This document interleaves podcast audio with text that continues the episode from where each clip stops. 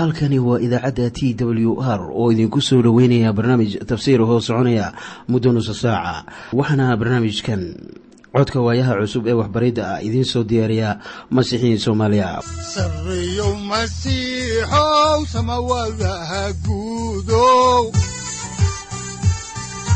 Siraadkii adduunkow subanaha eebow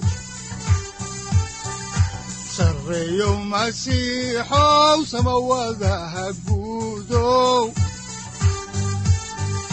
siraadkii adduunkow subanaha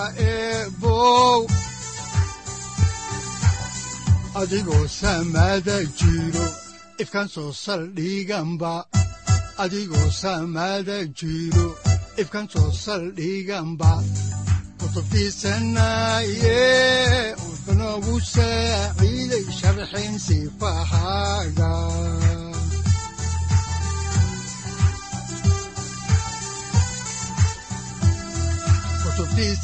kutubtiisinayow ebnagu saaciid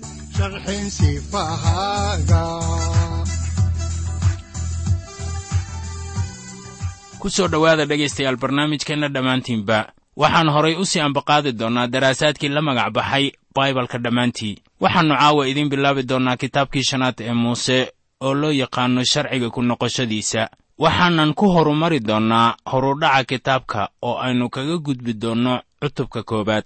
Marka horese aynu dhegaysanno qhasiidadan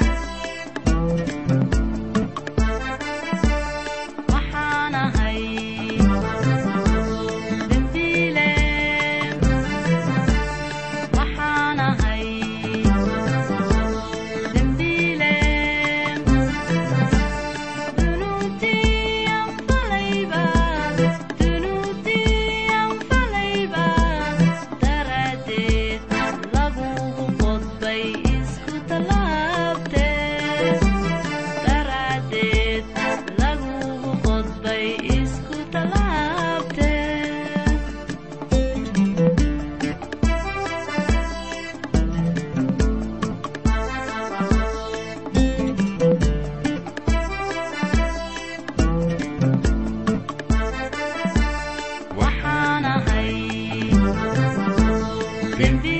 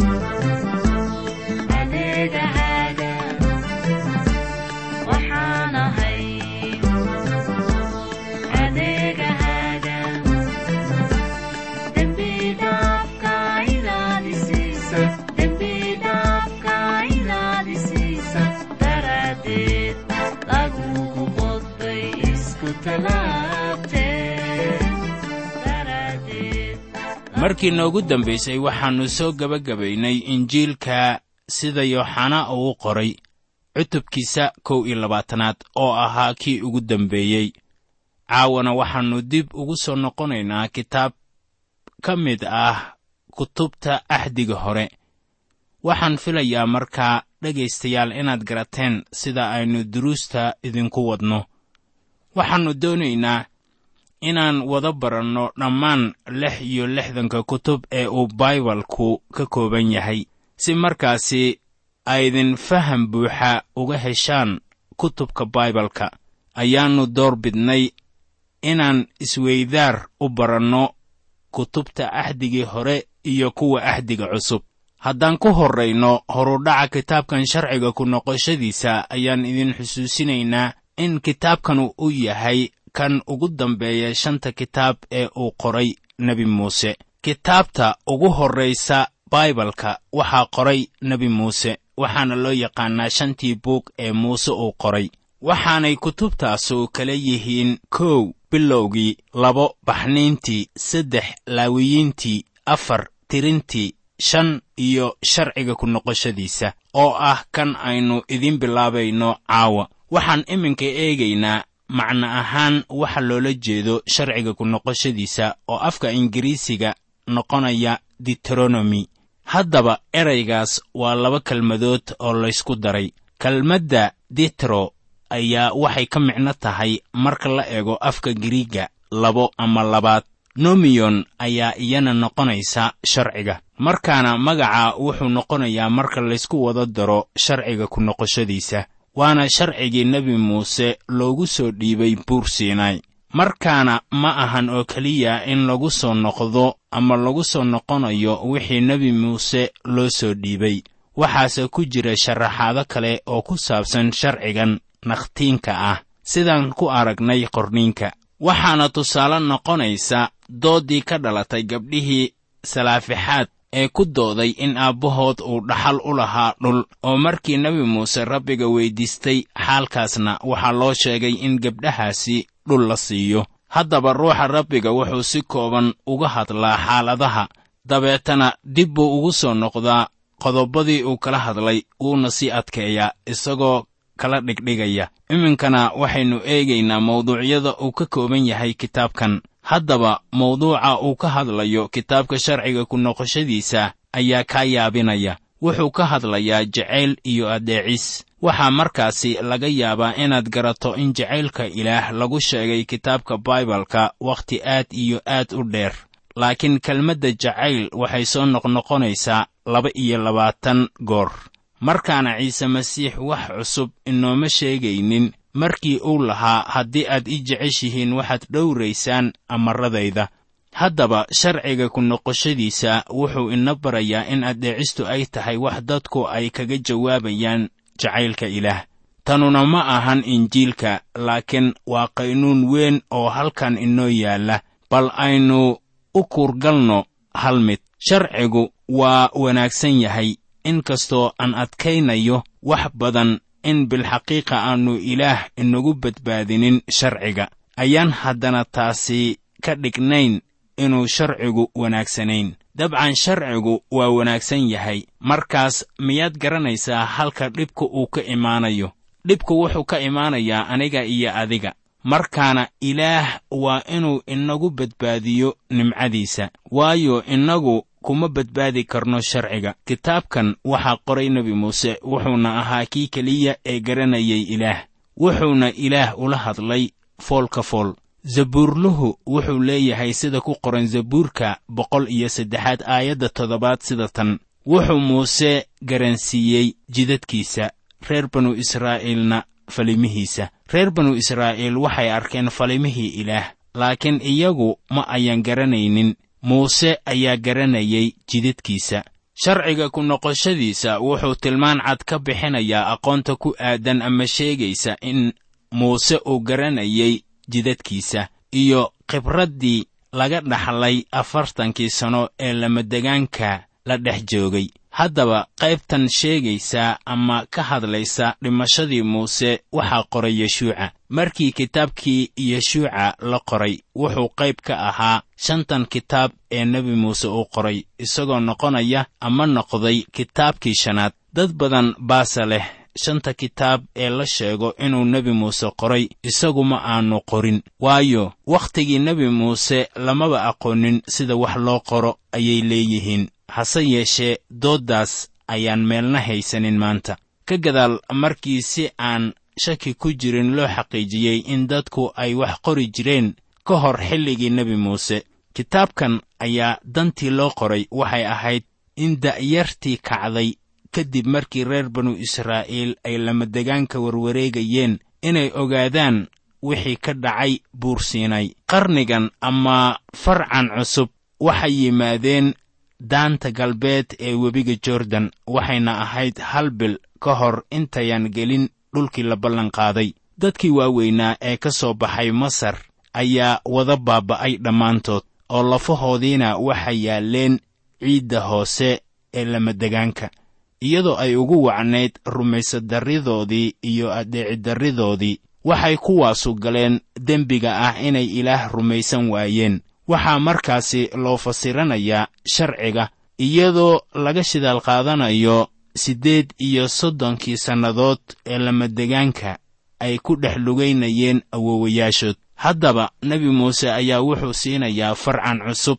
tusmadii ugu dambaysay rabbiga ka hor inta uusan dhiibin madaxtinimada reer banu israa'iil oo uusan dhiman. Wuxuu dib ugu noqonayaa wixii ka dhacay lamadegaanka wuxuuna adkaynayaa qodobo ka mid ah sharciga. Wuxuuna muujinayaa mustaqbalka uu yeelanayo dalkaasi iyadoo laga shidaal qaadanayo axdigii ilaah oo la dhigtay isaga iyo awowayaashiisii ka horreeyey. Waxaan markaasi halkaasi ka ogaanaynaa inaan sharciga loo soo dejin oo keliya dadka laakiin xitaa dhulkuna uu leeyahay.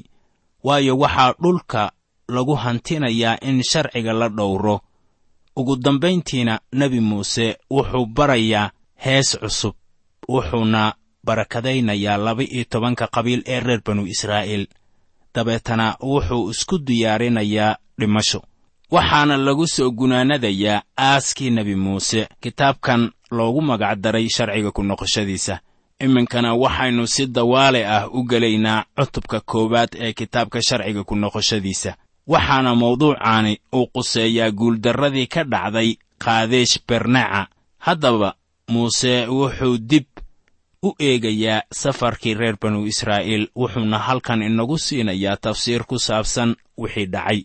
Faracii hore oo dhan way wada baaba'een waxaan ka ahayn qaaleeb iyo yeshuuca. Wuxuu haatan u diyaarinayaa farcan cusub inay dhulka galaan waxaanay baranayaan khibradihii la soo gudboonaaday aabbayaashood si markaasi ay uga faa'iidaystaan khibradahaasi intii iyagana ay carkhalad iyo guuldarro u keeni lahayd. Haddaan markii ugu horraysay idin akhrinno kitaabkan sharciga ku noqoshadiisa baalka laba boqol laba iyo labaatan ee axdigii hore aayadda koowaad ee cutubka koowaad ayaa waxaa qoran sida tan kuwanu waa erayadii muuse uu kula hadlay reer banu israa'iil markay joogeen webi urdun shishadiisa cidlada dhexdeeda oo ah caraabbaah oo ka soo hor jeeda suuf meel u dhexaysa faaraan iyo tofel iyo laabaan iyo xoseerood iyo diisahaab haddaba haddii aad tagto dhulkaas waxaad arkaysaa inuu la mid yahay gebigiisba sida dhulalka lamadegaanka ah markii nebi muuse uu ka eegay dhulkii la ballanqaaday buur nebo waxaan u malaynayaa in dhulka uu cagaarnaa uu doog ahaa. Maanta dhulkaasu waa lamadegaan haddaan horay idinku sii wadno kitaabka sharciga ku noqoshadiisa cutubka koowaad aayadda labaad waxaa qoran sida tan. Oo kow iyo toban maalmood ayaa looga socdaa xooreeb xagga buur siciir ilaa tan iyo qaadeesh bernaca buur siinay waxay ka mid tahay deegaanka xooreeb waxaana loo kala socdaa kow iyo toban maalmood marka laga yimaado xooreeb oo loo soo socdo qaadeesh bernaca taasoo ku taalla halka laga galo dhulkii la ballanqaaday. Reer banu israa'iil waxay lamadegaanka ku lumiyeen siddeed iyo soddon sannadood markii ay diideen inay adeecaan ilaah laakiin hadday warkiisa maqli lahaayeen waxay dhulkaasi ku tegi lahaayeen kow iyo toban maalmood. Haddaba innaga xitaa la mid baynu nahay oo waynu ka gaabinaynaa barashada qowlka ilaah. Waxaan u malaynayaa inaan innaguba odhan karayno waxaan ka hoosaynaa garashada waxyaabaha ilaah. Mar kasta ilaah wax buu ka samaynayaa sidii aynu jidadkiisa ku garan lahayn haddaan horay idinku sii wadno kitaabka sharciga ku noqoshadiisa cutubka koowaad aayadda saddexaad ayaa waxaa qoran sida tan. Oo sannadii afartanaad bisheedii kow iyo tobanaad maalinteedii koowaad ayaa nebi muuse reer banu israa'iil uu kula hadlay kulli amaradii rabbigu uu ugu soo dhiibay oo dhan. Haddaba markii ay soo gaareen wakhtigoodii warwareegidda ayaa muuse wuxuu kula hadlay kulli wixii rabbigu uu ugu soo dhiibay iyaga sida abbaarta ah hadalladii uu kula hadlay markii hore xagga afka ayay ahaayeen. Dabeetana waa la qoray. Haddaba kuwa doodaha ka dhiibta kitaabkan baibalka ayaa hadalkii nebi muuse kula hadlay. Dadka u soo qaadanaya tusaale ahaan oo leh nebi muuse afka un buu ka yidhi hadalladaas laakiin waxba ma uusan qorin. Laakiin taas way ku qaldameen oo waxaa beri dambe la ogaaday in dadku ay wax qori jireen xilli ka horreeyey nebi muuse. Muuse wuxuu ahaa afhayeenka ilaah oo hadalladana dadka u sheega. Welibana wuu caddeeyey in hadalladan uu ka helay ilaah. Iminkana waxaan eegaynaa guuldarradii ka dhacday qaadeesh bernaca marka uu dib ugu noqdo taariikhdooda ayaa nebi muuse dadka uu u sheegayaa waxaa qaldaadkiisii waaweynaa uu ahaa haddaan horay idinku sii wadno kitaabka sharciga ku noqoshadiisa ayaa waxaa ku qoran cutubka koowaad aayadda sagaalaad aayadda laba-iyo tobanaad aayadda saddex iyo tobanaad sida tan. Oo anna markaas waan idinla hadlay oo waxaan idhi anigu idinma aan qaadi karo keli ahaantay oo bal anigoo keliya ah sidee baan u qaadi karaa culayskiinna iyo rarkiinna iyo rabshadiinna? Haddaba siday qolooyinkiinnu yihiin waxaad kala soo baxdaan rag xikmad leh oo waxgarad ah oo caan ah oo anna waxaan iyaga ka dhigayaa madax idin talisa. Waxaan haddaba qisada halkan ku qoran ka helaynaa kitaabka baxniintii cutubka siddeed iyo tobanaad. Markaasoo nebi muuse uu ilaah ka codsaday cid la wadaagta xilkan ballaaran ee la saaray. Nebi muuse wuu cadhooday oo waxaa saarnaa culays keenay inuu niyad jabo. Waxay la ahayd in isaga keligiis u wado culayska saaran reer banu israa'iil. Rabbiguna wuxuu u oggolaaday inuu sameeyo guddi ka kooban toddobaatan waayeel oo isaga wax la xukuma. Isla kuwan ayay ahaayeen maxkamaddii dhegaysanaysay dacwadii lagu qaaday ciise masiix ee loo yaqaanay sanhedirin waxaanay sabab u ahaayeen dhimashadii ciise sannado badan kadib markii la aasaasay. Markan uu niyad jabay ayuu nebi muuse iloobay in ilaah uu yahay kan culaabta israa'iil la wada isaga. Nebi muuse wuxuu ahaa nin madax ah ee ilaah uu doortay. Uma uusan baahnayn guddi isaga wax la xukmisa. Muuse wuxuu sameeyey qalad muuqda. Halkan buuna ku sheegayaa. Haddaba dad yar ayaa maanta qirta qaldaadka ay sameeyaan laakiin nebi muuse qaldaadkiisii waa qirtay wuxuu leeyahay taasu waxay isaga u ahayd wax wanaagsan laakiin ma shaqaynin waxayna sabab u ahaayeen dhibaatooyin fara badan dadka israa'iil. Waxyaabaha caynkan oo kale ah ayaa ka dhaca kiniisadaha waxay samaynayaan guddiyo. Guddiyadiina mararka qaar uma shaqaynayaan sidii ilaah uu doonayey. Haddaba ma doonaysaa inaad ogaato sidii nebi muuse uu u qiyaasay warwareeggii cidlada ee reer banu israa'iil. Haddaba dhegayso waxaa ku qoran aayadda sagaal iyo tobanaad ee cutubkan koowaad ee kitaabka sharciga ku noqoshadiisa. Waxaa qoran sida tan markaasaynu ka soo guurnay xooreeb oo waxaynu dhex marnay cidladaas weyn oo aad looga cabsado ee aad soo aragteen ee ku taal jidka loo maro dalka buuraha leh oo reer omor. Siduu inagu amray rabbiga ilaaheenna ahu oo waxaynu nimid qaadees berneca waxaan rumaysanahay in cabsi weyne ay ka jirtay cidlada sidii nebi muuse yidhiba. Waayo isagu halkaas buu joogay. Socodkoodii cidlada ma ahayn tub baraare. Waayo dadkii oo dhan halkaas bay ku wada dhinteen. Waxaan ka ahayn yeshuuca ina nuun iyo kaaleeb ina yufuneh. Haddaba qaladkii labaad ee muuse uu sameeyey ayaa dhacay. Markii uu ku soo noqday qaadeesh bernaca siddeed iyo soddon sannadood kadib tan waxaa keenay khaldaadkii dadka waxaana sabab u ahaa guddigii la sameeyey. Haddaan xaalkaasi ka egno ahdigii hore kitaabka sharciga ku noqoshadiisa cutubka koowaad aayadaha labaatan ilaa saddex iyo labaatan waxaa qoran sida tan.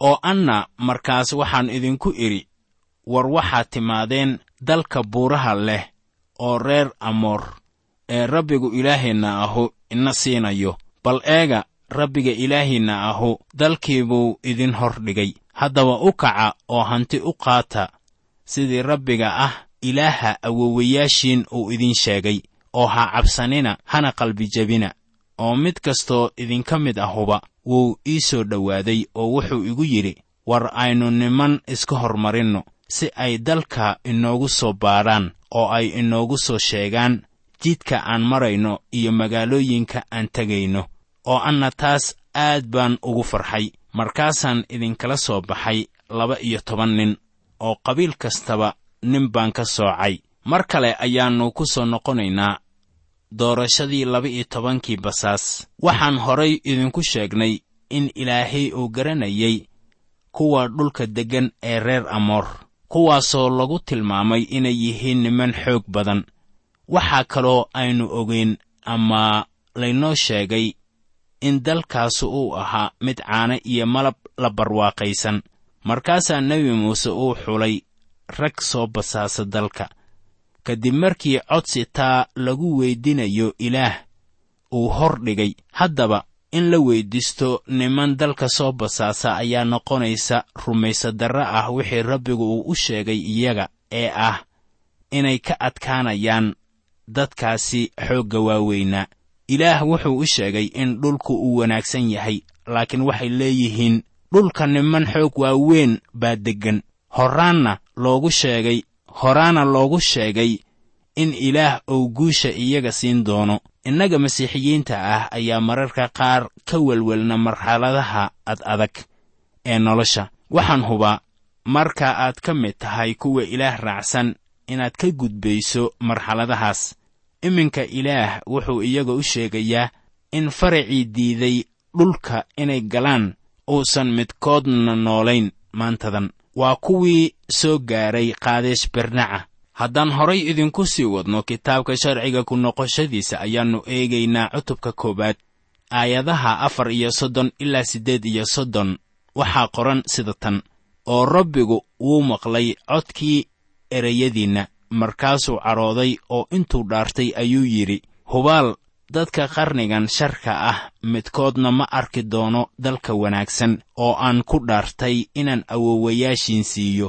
Kaaleeb inayofuneh mooyaane isagu waa arki doonaa oo waxaan dhulkii uu cag mariyey siin doonaa isaga iyo carruurtiisaba maxaa yeelay isagu dhammaan ahaanba buu rabbiga u raacay oo weliba rabbiga waa ii cadhooday idinka aawadiin oo wuxuu yidhi adiguna halkaas geli maysid. Yeshuuca inanuun oo hortaada taagan ayaa halkaasi geli doona. Isaga dhiirrageli waayo reer banu israa'iil ayuu dalkaasi dhaxal siin doonaa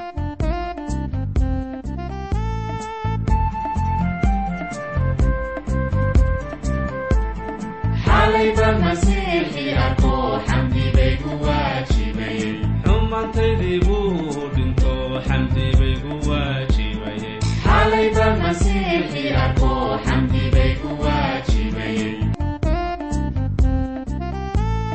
xinjirtiisii buu igu dhaqo xamdi bay gu waajibayeen dembigaygii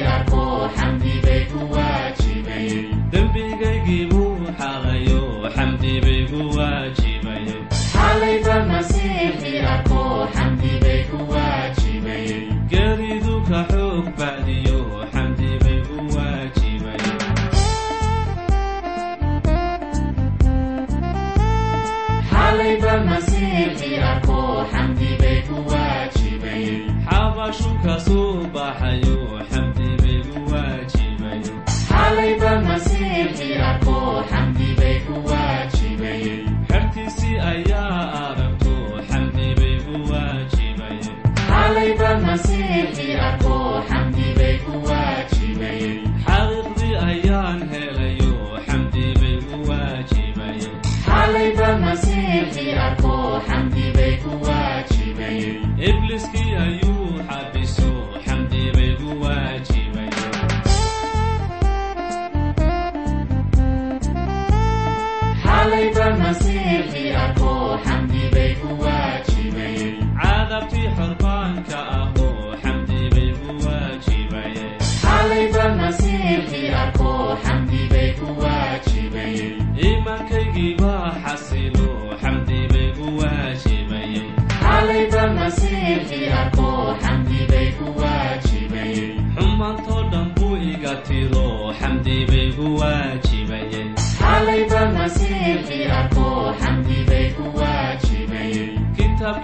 baan ku waajibayeen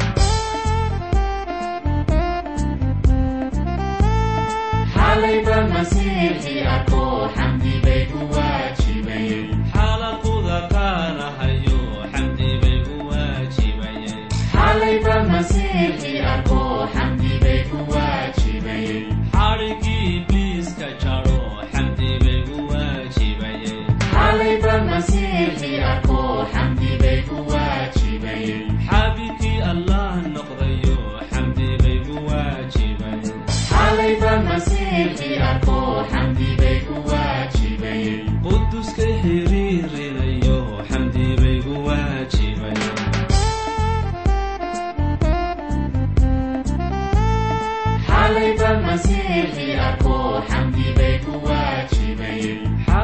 xusuusanaho xamdi bay ku waajibayeen xalayba masiixi arko xamdi bay ku waajibayeen jannada la soo xarmado xamdi bay ku waajibayeen xalayba masiixi arko xamdi bay ku waajibayeen la xisaabi maaya biro xamdi bay ku waajibayeen sareeyo masiixow samawadaha guudow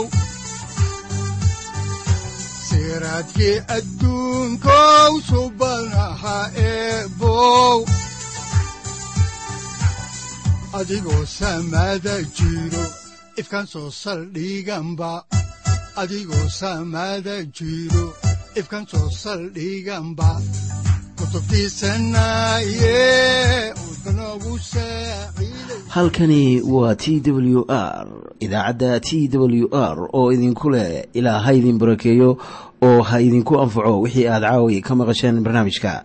Waxaa barnaamijkan oo kalea aad ka maqli doontaan habeen dambe hadahan oo kale haddiise aad doonaysaan in aad fikirkiina ka dhiibataan wixii aad caawi maqasheen ayaad nagala soo xiriiri kartaan som t w r at t w r c o k e. Haddii aad doonaysaan in aad dejiisataan oo kaydsataan barnaamijka ama aad mar kale dhegaysataan. Fadlan mar kale booqo www t w r o r g amase www t t b t w r o r g amase waxaad teleefoonkaaga ku kaydsataa ama ku download garaysataa agabyada ku sahli karaa dhegeysiga t w r haddii aad doonayso in laga kaalmeeyo dhinacyada fahamka kitaabka amase aad u baahan tahay duco fadlan fariimahaaga soo mari bogga aaraahda ama kommentska inana jawaab degdeg ah ayaanu ku soo diri doonaa amase ku siin doonaaye sareeyow masiixow wihiyow saacadda timid dhulka sabada ku dhalatiyo